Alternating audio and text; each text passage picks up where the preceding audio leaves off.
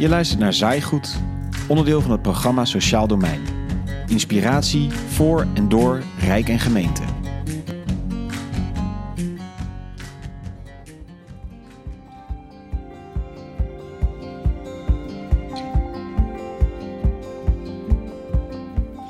Ik weet niet waar jij normaal deze podcast luistert, maar als het goed is ben je nu gewoon thuis aan het luisteren. Corona domineert natuurlijk ons dagelijks leven, de politiek, de media, ons werk. En toch moeten we ondertussen ook gewoon blijven bouwen aan een sterker sociaal domein. En dus willen we het in deze podcast hebben over interbestuurlijke verhoudingen. De decentralisaties in het sociaal domein worden wel eens de grootste staatsrechtelijke operatie in Nederland sinds 1848 genoemd. In 1848 werd het gehele Nederlandse staatsbestel ontwikkeld. In 2015 ging een enorm takenpakket over van de ene bestuurslaag naar de ander. Welke consequenties heeft dit gehad voor de verhouding tussen Rijk en gemeente? Wat gaat goed en wat gaat niet goed in de interactie tussen de beide bestuurslagen? En waar komen de spanningen tussen Rijk en gemeente vandaan? Daar gaan we deze aflevering verder induiken. Aan het woord komen Rien Fraanje van de Raad voor Openbaar Bestuur, Sanne van Eerde van het programma Sociaal Domein en je hoort ook Febe Otte van de gemeente Zaanstad. En dat allemaal over de route van bestuurlijke verhoudingen naar een bestuurlijk verbond.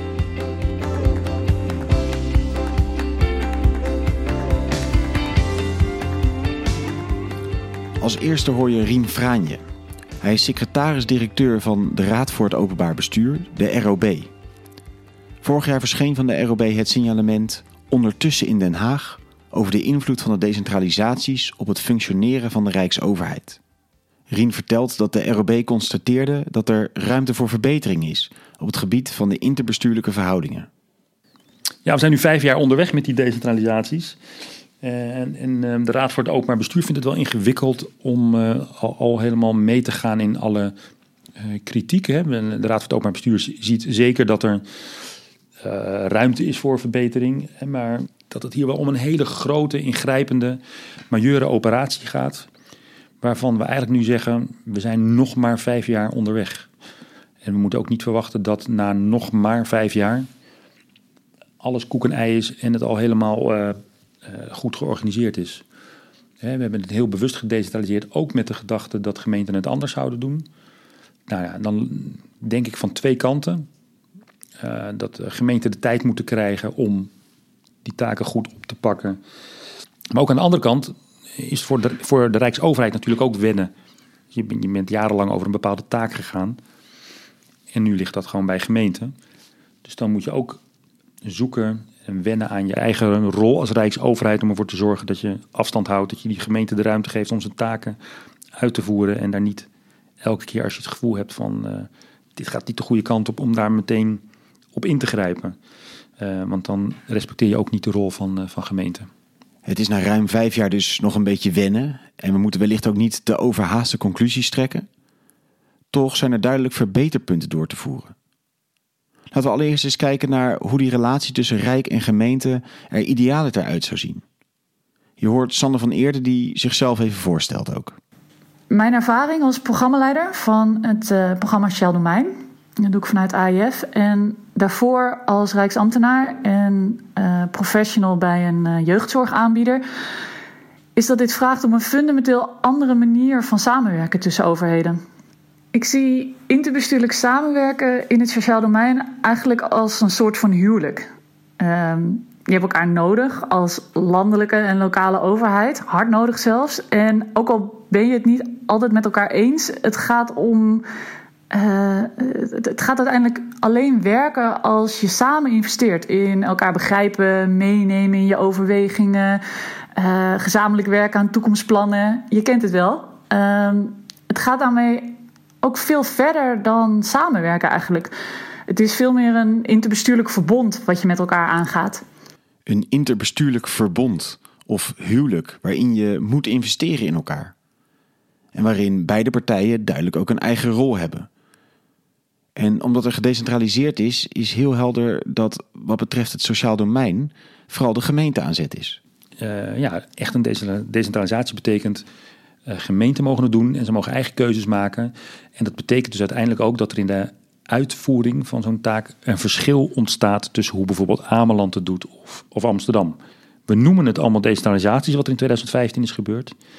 Eh, maar iemand uh, merkte pas uh, volgens mij best wel terecht op van nou, er is echt wel een verschil tussen de jeugdzorg of de toevoeging van een aantal taken aan, aan de wet maatschappelijke ondersteuning en de participatiewet. Eigenlijk is de participatiewet bijvoorbeeld ja, die is zo strak ingekaderd. Die kun je misschien helemaal niet met droge ogen een decentralisatie noemen. Dat is eigenlijk gewoon veel meer het delegeren van een taak. Um, en, ja, dat moet je gewoon uitvoeren. Know, een soort uitvoeringsorganisatie uh, als gemeente van het Rijk. En moeten we ook niet net doen alsof daar sprake is van een enorme beleidsruimte voor gemeenten. Ingewikkelder wordt het natuurlijk als je bijvoorbeeld bij de jeugdzorg begint met bepaalde beleidsruimte. En zo is het gevoel bij, uh, bij een aantal gemeenten, die beleidsruimte in de, in de uitwerking uiteindelijk beperkt is. Er zijn natuurlijk een aantal ingrepen gedaan de afgelopen vijf jaar. Zo is er een uh, vrij onlangs door de minister van VWS gezegd van nou gemeente, jullie worden verplicht als het aan mij ligt. Is nog niet door de Kamer, maar jullie worden verplicht om te gaan samenwerken in regionaal verband. En ik ga een aantal gespecialiseerde taken terughalen naar, de, naar het Rijk. Als ik recent bijvoorbeeld kijk naar de verplichting tot regionale samenwerking uh, of uh, je het ingrijpen van het Rijk neemt tot op het niveau van een abonnementstarief in een bepaalde gemeente, dan merk je dat deze ingrepen de relatie onder druk zetten. Dat wordt versterkt door het feit dat de meeste contacten tussen Rijk en gemeente plaatsvinden in officiële overleggen. Wat we zien is dat veel van de interbestuurlijke samenwerking is georganiseerd via formele bestuurlijke overleggen. En uh, we kennen uiteraard ook de nodige landelijke programma's. En um, het, het, het, risico van veel nadruk bij uh, bestuurlijke overleggen, die met name over geld en wetgeving gaan, is uh, dat ze het wij-zij gevoel en daarmee de kloof tussen overheden vergroten. Waarom die centrale ingrepen in die decentrale situaties? is er vooraf eigenlijk wel voldoende nagedacht over de implicaties van decentralisatie. Dat je daar dus dan niet meer over gaat. Ik denk dat er heel goed uh, ideologisch bijna is nagedacht. Zeker bij de, bij, de, bij de gemeente zelf. Die hadden daar een goed verhaal bij. Hebben dat ook in verschillende etappes met de commissies uitgewerkt. Um, daar zit echt een heel duidelijk verhaal bij over een gemeente die dichter bij bewoners staat, over een gemeente die integraler kan werken, dus een aantal taken bij elkaar kan voegen en daar met een andere blik, integrale blik, naar kan kijken en mensen directer en beter kan, kan helpen dan een uitvoeringsorganisatie van de Rijksoverheid uh, dat, uh, dat zou kunnen. Tegelijkertijd moet ik ook denken dat het, het, het politieke tijden er ook echt aan toe was toen er een financieel-economische crisis was. En dat is ook wel een gedeelte van de kritiek van mensen die nu kritisch zijn over hoe die decentralisaties verlopen. Die eigenlijk zeggen van, ja, die gemeenten zijn helemaal nooit echt goed in positie gebracht om die taken uit te voeren. Op zich staat het gedachtegoed van de decentralisaties dus wel helder op het netvlies. Al is kritiek op de, het financieel kader daarbij wel heel begrijpelijk. Maar wat maakt dan toch dat die centrale ingrepen plaatsvinden? In ons signalement ondertussen in Den Haag laten we denk ik mooi zien dat er ook gewoon een politieke realiteit is. Dat als er een misstand is of een incident, dat die minister toch vaak weer te maken krijgt met, met kamervragen. Uh, want dan hebben ze iets gelezen in de krant of er is iets misgegaan in gemeente X of Y. En dan denkt zo'n kamer, ja, ik ben kamerlid. Of kamerlid, die denkt dan van ja, ik ben lid van de volksvertegenwoordiging. Dus namens het volk moet ik daar vragen over stellen of dat wel goed gaat. Wat wij vaststellen in ons signalement is dat um, de ministers en de bewindspersonen er op toch best wel goed in slagen om lange tijd die Kamer uh, dat van zich af te houden. Door te zeggen: maar wacht even, we gaan er niet meer over. Als u daar vragen over hebt, zet uw partijgenoot in gemeente X of Y in. En laat die vragen stellen aan het college van BMW in die gemeente. Als het zich in die gemeente heeft voorgedaan. Als dat één keer gebeurt, die vraag, dan zegt de minister dat. En de tweede keer stelt die minister dat nog een keer. Uh, verwijst hij het nog een keer terug naar dat parlement en de Tweede Kamer van uh, uh, dames en heren, we gaan er niet meer over. En na drie keer uh, een vraag denkt hij toch van nou weet je wat, ik laat dus een ambtenaar toch nog eens even uitzoeken hoe het nou precies zit en waarom het nou drie keer is misgegaan. En dan pakt zo'n ambtenaar toch nog eens een keer de telefoon met een wethouder en dan denkt de wethouder verhip, nu krijg een telefoontje uit het departement. En die krijgt daar toch weer het gevoel mee van, um, ja, waar, waarom, waar, waar bemoeit dat departement zich mee? Dus je ziet dat door die totale nieuwe verhoudingen iedereen ook nog een beetje zoekend is naar zijn rol. Wat ook misschien vanuit zo'n departement helemaal niet als een slechte bedoeling uh, heeft om eens even de telefoon te pakken en te informeren hoe het gaat in die gemeente. Wordt wel ervaren als een interventie. Um, en uiteindelijk, als er heel veel signalen zijn, is het natuurlijk ook wel weer heel lastig in uh, de Haagse context van Kamervragen, media-aandacht om zomaar te zeggen, ja, ik ga er niet over, dus ik interveneer niet. Of ik grijp niet in, of ik ga er niet mee aan de slag, of ik ga het niet uitzoeken hoe het zit. Meer nog dan in zo'n gemeente moeten ministers hier gewoon verantwoording afleggen aan het parlement, maar ook aan de media. Rien noemt dus allereerst duidelijk die politieke dynamiek, die mede aangezwengeld wordt door publieke opinie en media. Maar de ROB ziet naast deze externe dynamiek ook interne factoren die meespelen. De gedachte was ooit, de gemeenten worden verantwoordelijk. Daar zul je zien dat er meer ambtenaren worden aangesteld. Maar goed, in Den Haag gaan ze er niet meer over, dus daar zullen een aantal ambtenaren afnemen. Wat we feitelijk hebben vastgesteld, dat op het ministerie van Justitie en Veiligheid na, uh, waar inderdaad echt een afdeling is verkleind, dat het eigenlijk bij de andere departementen helemaal geen discussie is geweest. En dat ze ook er niet over hebben nagedacht in de aanloop naar 2015. En dat terwijl het Rijk een systeemverantwoordelijkheid of stelselverantwoordelijkheid heeft, maar een hele hoop beleidstaken kwijtgeraakt is. Den Haag is systeemverantwoordelijke, dus die is verantwoordelijk voor het goed functioneren van het systeem. Dat, dat klinkt al heel erg abstract. Um, en dat is het ook, want wat ons is uh, gebleken bij die verkenning, is dat daar ook totaal verschillend invulling aan wordt gegeven door verschillende departementen. Althans, zo wordt dat door gemeenten ervaren. In de tweede plaats, los van het eenduidige beeld, zien we ook dat systeemverantwoordelijkheid misschien wel te veel wordt uitgelegd als een hiërarchische, verticale rol. Van, nou, we zijn systeemverantwoordelijke, dus we zijn ergens de baas en we kunnen van bovenaf dingen bepalen of interveneren. Terwijl wij uh, als Raad van het Openbaar Bestuur in ons signalement, maar ook in andere stukken over systeemverantwoordelijkheid zeggen. In deze tijd zou het passen om die systeemverantwoordelijkheid veel meer in partnerschap op te pakken. Waarbij je ervan uitgaat dat gemeenten en uh, provincies je partners zijn. En dat je als Rijksoverheid veel meer de rol hebt om als partner te zorgen, te faciliteren, de randvoorwaarden te creëren. Dat jouw andere mede-overheden veel goed in staat zijn om hun taak uit te voeren. Er is dus geen eenduidigheid over wat systeemverantwoordelijkheid of stelselverantwoordelijkheid inhoudt. En daarnaast wordt het vrij verticaal uitgelegd. Wat is daar het gevolg van? Uh, dan word je uiteindelijk als gemeente niet in positie gebracht om als een eigenstandige overheidslaag met een, met een eigen verantwoordingsmechanisme via de gemeenteraad je taken op te pakken en daar democratisch debat op te gaan, uh, uh, over aan te gaan met je eigen gemeenteraad. Nee, dan is het uiteindelijk toch weer het model waarin je bezig bent om als een soort uitvoeringskantoor je te verhouden tot het Haagse beleid. En daarmee streep je een belangrijk voordeel van de decentralisaties weg, namelijk de vrijheid om lokaal te kunnen bepalen wat nodig is. We hebben een aantal observaties van de ROB gehoord. Er is een politieke dynamiek die maakt dat Den Haag zich mengt in lokale aangelegenheden. Systeemverantwoordelijkheid wordt niet eenduidig toegepast en uitgelegd en wordt vrij hiërarchisch uitgelegd. En het feit dat de ambtelijke capaciteit bij de meeste ministeries niet is afgenomen, maar zelfs is toegenomen, geeft aan dat er toch ook centraal veel beleidsvorming blijft plaatsvinden, die dan uiteindelijk weer landt bij gemeenten. En daarnaast vertelde Sander van Eerder dat de huidige inrichting van de bestuurlijke verhoudingen de relatie tussen Rijk en gemeente onder druk zet. Goed, dat zijn de observaties, maar hoe moet het dan anders? Het programma Sociaal Domein, waar ook deze podcast van uitgaat, is een gremium waarin Rijk en gemeente op een meer horizontale manier samenwerken. Het programma Sociaal Domein is na de decentralisaties in 2015 ontstaan. Uh, vanuit een behoefte om uh, proactiever te zijn en meer gezamenlijk te werken aan een sterk sociaal domein. En vanuit de overtuiging dat er iets anders nodig is dan elkaar uh, toch veelal ontmoeten in de formele overleggen zoals we die zo goed kennen. De gemeente en de VNG en Divosa die werken samen met vijf ministeries: Binnenlandse Zaken, VWS, Sociale Zaken, JNV, onderwijs aan domeinoverstijgende vraagstukken. Die zijn onder andere gericht op het beter helpen van de meest kwetsbare groepen. Uh, die domeinoverstijgend hulp nodig hebben. Denk aan mensen met een lichtverstandelijke beperking.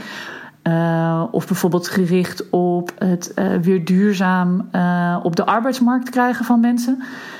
Um, maar we richten ons ook op meer randvoorwaardelijke thema's. Daarbij wordt in het programma Sociaal Domein niet alleen samengewerkt tussen verschillende overheden, maar ook met per thema betrokken partners. Een goed voorbeeld van zo'n randvoorwaardelijk thema is UP, uitwisseling persoonsgegevens en privacy.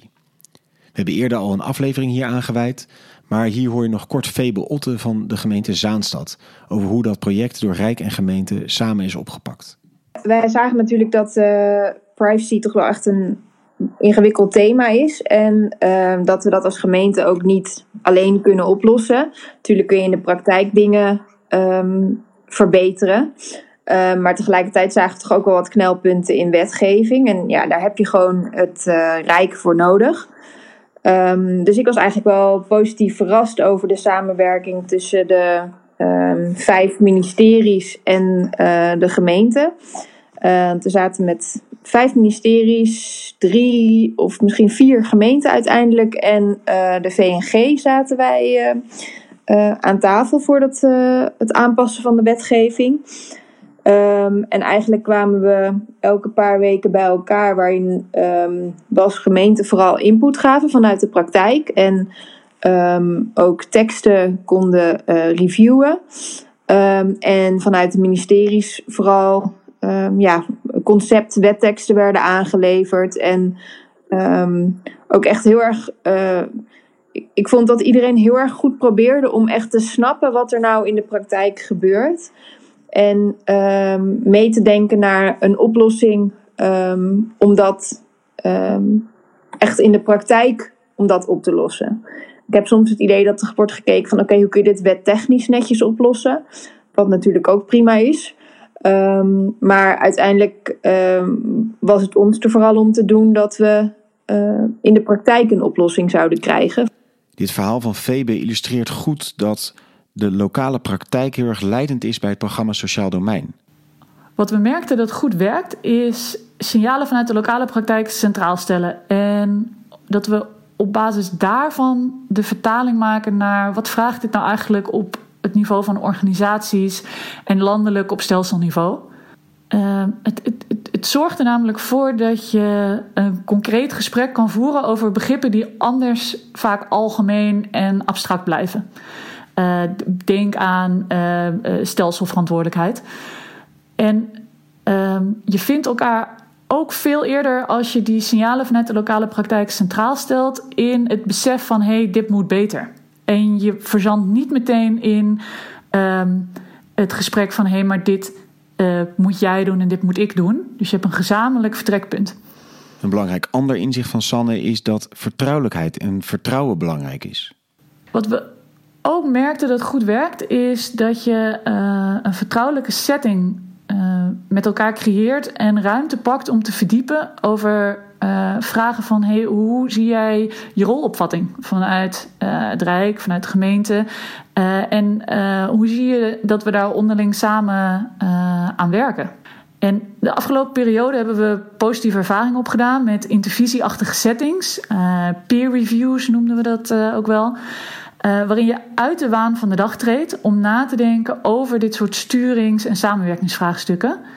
Uh, dat hebben we zowel tussen gemeenten onderling gedaan als tussen uh, directeuren van gemeenten en verschillende ministeries uh, via de programmaraad. Dat, dat, dat helpt om elkaar beter te begrijpen en om vervolgens ook afspraken te kunnen maken van hey, wat verwacht ik daarin van jou? denk bijvoorbeeld aan zo'n thema als stelselverantwoordelijkheid hoe geven we dat invulling en hoe ver gaan we daar als Rijk in? Bijvoorbeeld als het gaat over uh, regiovorming of kwaliteit van wijkteams. Het goed uitwerken van die bestuurlijke verhoudingen en van het concept systeemverantwoordelijkheid is ook een van de belangrijkste adviezen van de ROB aan de ministeries. Uh, ga daarover met elkaar fundamenteel in gesprek. Doe dat uh, met enige regelmaat. Betrek daarbij de gemeente en de provincies en de waterschappen uh, op andere vlak dan. En niet in het sociale domein heeft de waterschap natuurlijk geen rol in te vervullen. Maar voer dat gesprek en probeer er afspraken over te, over te maken. Een tweede advies van de ROB richt zich op evaluaties. Daarbij vallen twee dingen op. Eén, ze hebben die evaluaties hebben ze afzonderlijk gedaan. Dus ze hebben afzonderlijk de participatiewet geëvalueerd, afzonderlijk de jeugdzorgwet, of de wet op de jeugdzorg, afzonderlijk uh, de, de, de decentralisaties in de WMO. Nou, een doel van die decentralisaties was dat gemeenten in staat worden gesteld om al die verschillende taken op het sociale domein integraal uit te voeren. Zou het ook niet heel anders zijn om dan uh, de evaluatie niet in losse onderdelen te, te, bekijken, maar ook te kijken hoe gaat het nu met die, dat sociale domein in zijn integraliteit, in zijn totaliteit. Nou, is niet gebeurd. Het tweede, veel van die onderzoeken heeft de Rijksoverheid bedacht. Vanuit onze rol als systeemverantwoordelijk gaan we dat onderzoek uitzetten. Maar ze zijn eigenlijk vergeten om aan die gemeente te vragen: Goh, nou, we gaan, uh, het is tijd om te evalueren. Laten we zeggen, het is tijd om de jeugdzorg te evalueren. Uh, wij willen graag deze informatie uit die evaluatie halen. Welke, welke informatie hebben jullie nou nodig om je taak beter te doen? Wat zijn voor jullie nou interessante vragen? Op welke vragen zouden jullie nou antwoord willen hebben bij de evaluatie? En dan betekent dus ook dat je veel meer uh, naar maatschappelijke effecten in de breedte moet kijken. En dus niet alleen naar uh, is het beleid volgens Haagse definities en termen geslaagd. Nee, wat heeft het ook voor mensen tot effect? En volgens mij die maatschappelijke effecten om dat goed te formuleren en te definiëren, daar, daar zou de gemeente heel goed in zijn. Werk het begrip systeemverantwoordelijkheid als Rijk goed uit, samen met gemeenten? Evalueer integraal, samen met gemeenten en kijk vooral ook naar de maatschappelijke impact? En Rien ligt nog een derde advies van de ROB toe.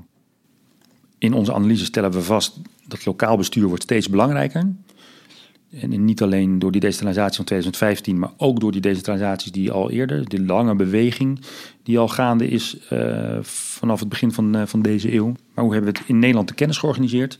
Ja, we hebben een landelijk georganiseerde kennisinfrastructuur. Je hebt de, de planbureaus, die zijn in Den Haag. Je hebt het Hoge College van State, de Rekenkamer, Ombudsman. Zijn ook Haag. Je hebt de adviescolleges, waar de Raad voor het Openbaar Bestuur er eentje van is in Den Haag gesitueerd, maar ook letterlijk in hun opdracht, in hun instellingswet staat dat de, in, dat de adviescolleges er zijn voor regering en parlement. Wij stellen vast in ons signalement ondertussen in Den Haag, kijk ook naar die kennisinfrastructuur uh, en zorgen ook voor dat er veel meer kennisuitwisseling is tussen de regio, het lokaal bestuur en Den Haag. Dus de Haagse kennisinstellingen zouden veel meer hun oor te luisteren kunnen en uh, moeten leggen in de regio, omdat daar veel kennis beschikbaar is. Uh, en andersom is het ook heel erg belangrijk dat, uh, dat decentraal bestuur in de gelegenheid wordt gebracht om kennis te nemen van de vele onderzoeken, adviezen, analyses die op in Den Haag worden gemaakt over bepaalde beleidsterreinen waar het decentraal bestuur nu uiteindelijk verantwoordelijk voor is. We hebben vervolgens gezegd, als we dat als aanbeveling doen, laten we dan ook maar naar die kennisinfrastructuur kijken. Dus als opvolging van het signalement uh, decentraliseer ook, uh, als opvolging van het signalement ondertussen in Den Haag, waarin we de aanbeveling doen, decentraliseer ook kennis. Uh, zijn we aan de slag gaan met die kennisinfrastructuur. En uh, in, in maart brengen wij het ehm, signalement kennisdelen uit, waarin we nog verder daarop ingaan. Wat is er nu nodig om ervoor te zorgen dat die kennisuitwisseling tussen dat regionale en het landelijke niveau veel beter gaat werken dan dat het nu doet. Wil je deze en nog andere adviezen uit de signalering ondertussen in Den Haag doornemen? Kijk dan op de site van de ROB of op de site van het programma Sociaal Domein. Afsluitend, wat moet nu verder de route zijn voor de komende periode? Ik zou het mooi vinden als we de komende periode kunnen voortbouwen op de inzichten die we vanuit het programma Sociaal Domein hebben opgedaan. En als we daarmee ook de lokale praktijk uh, nog, nog veel belangrijker kunnen maken en vaker het vertrekpunt kunnen laten zijn van gesprekken over hoe we als overheid uh, moeten werken. En dat we, dat we ook uh, die ervaringen die wij hebben om samen te reflecteren op wat is er nou nodig in het sociaal domein? Wat, wat, wat, wat vraagt de toekomst nou van ons als overheden? En um, wat vraagt dit vanuit van, van mijn eigen rol en functie? Um, dat, we, dat, we, dat we daarop voortbouwen en dat we ook zorgen dat we uh, komen tot een gezamenlijke toekomstagenda waar we het belangrijk maken dat we er met elkaar als overheden regie op voeren en dat we dat leidend maken in de interbestuurlijke samenwerking. Dus dat het eigenlijk een nog veel minder vrijblijvende en veel belangrijkere manier van samenwerken gaat worden. Eigenlijk een soort uh, verbond, veel meer dan uh, puur een samenwerking en, en, en, afstemming daarin.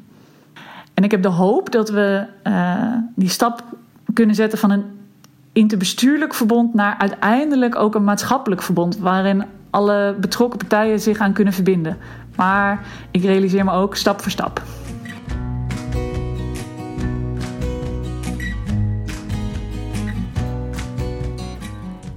We hebben gekeken naar de relatie tussen Rijk en gemeente. Deze heeft misschien wel de grootste verandering doorgemaakt in 170 jaar. En dat vraagt om een fundamenteel andere manier van samenwerken. Het gaat om het consequent doorvertalen van de gedachte van de decentralisatie naar de praktijk. Het concept systeemverantwoordelijkheid moet goed geladen worden en toegepast. In evaluatie en verantwoording, maar ook in beleidsvorming moet geredeneerd worden vanuit de lokale praktijk. Kennisinfrastructuur moet ook mee met de decentralisatiebeweging. En bovenal is onderling vertrouwen onmisbaar. Je kunt van mening verschillen, maar uiteindelijk heb je elkaar nodig en dus moet je elkaar steeds meenemen in je gedachten en ontwikkelingen.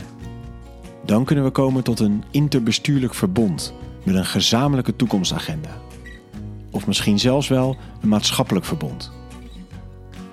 Hopelijk vond je dit een interessante aflevering. We horen graag wat je ervan vond en zijn ook benieuwd naar of je suggesties hebt voor onze podcast. Je kunt contact met ons opnemen via WhatsApp of via de website van het programma Sociaal Domein.